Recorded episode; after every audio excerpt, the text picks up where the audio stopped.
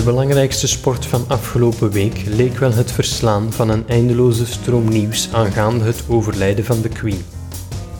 In de schaduw van de Queen zijn twee andere heersers vertrokken. De King en de Queen van het tennis, Roger Federer en Serena Williams, hangen hun tennisracket aan de wilgen. De regeerperiode van de genoemde tennisgrootheden strekt zich uit over ruim twee decennia.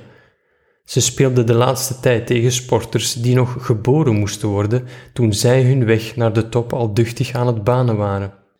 Beide sporters zijn levende legendes, zo wordt de GOAT genoemd, Greatest of All Time. Om die bewering te staven worden lijsten en statistieken opgedreund. Daaruit blijkt dat zowel de King als de Queen, die overigens beide in 1981 geboren zijn, uitzonderlijk waren. Toch is er een significant verschil. Serena Williams steekt echt in zowat elke statistiek boven haar concurrenten uit. Roger Federer brak ooit quasi elk record, maar is ondertussen in de meest in het oog springende statistieken gepasseerd door Rafael Nadal en Novak Djokovic. In het aantal Grand Slam titels en het aantal weken op nummer 1 bijvoorbeeld.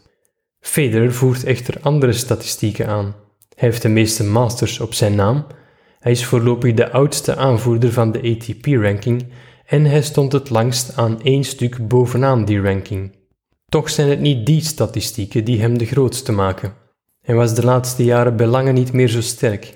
Hij liet kansen op records liggen en hij sukkelde van de ene blessure in de andere. Maar zijn speelstijl bleef oogstrelend elegant. Hij was hoffelijk en eervol in het verlies en hij gaf blijk van speelplezier en doorzettingsvermogen.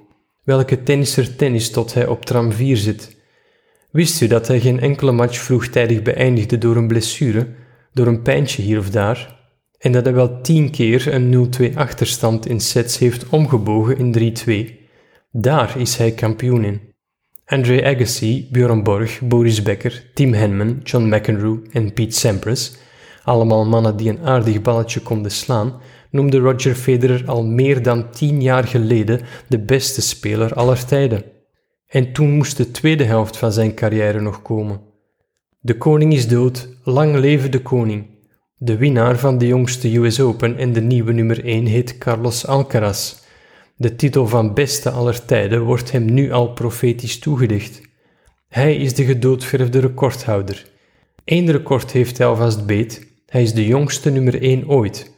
Zijn eerste match als Grand Slam winnaar en nummer 1 verloor hij echter. En ook dat doet hij goed, want zoals Federer al aantoonde, de grootste word je niet door foutloos te zijn.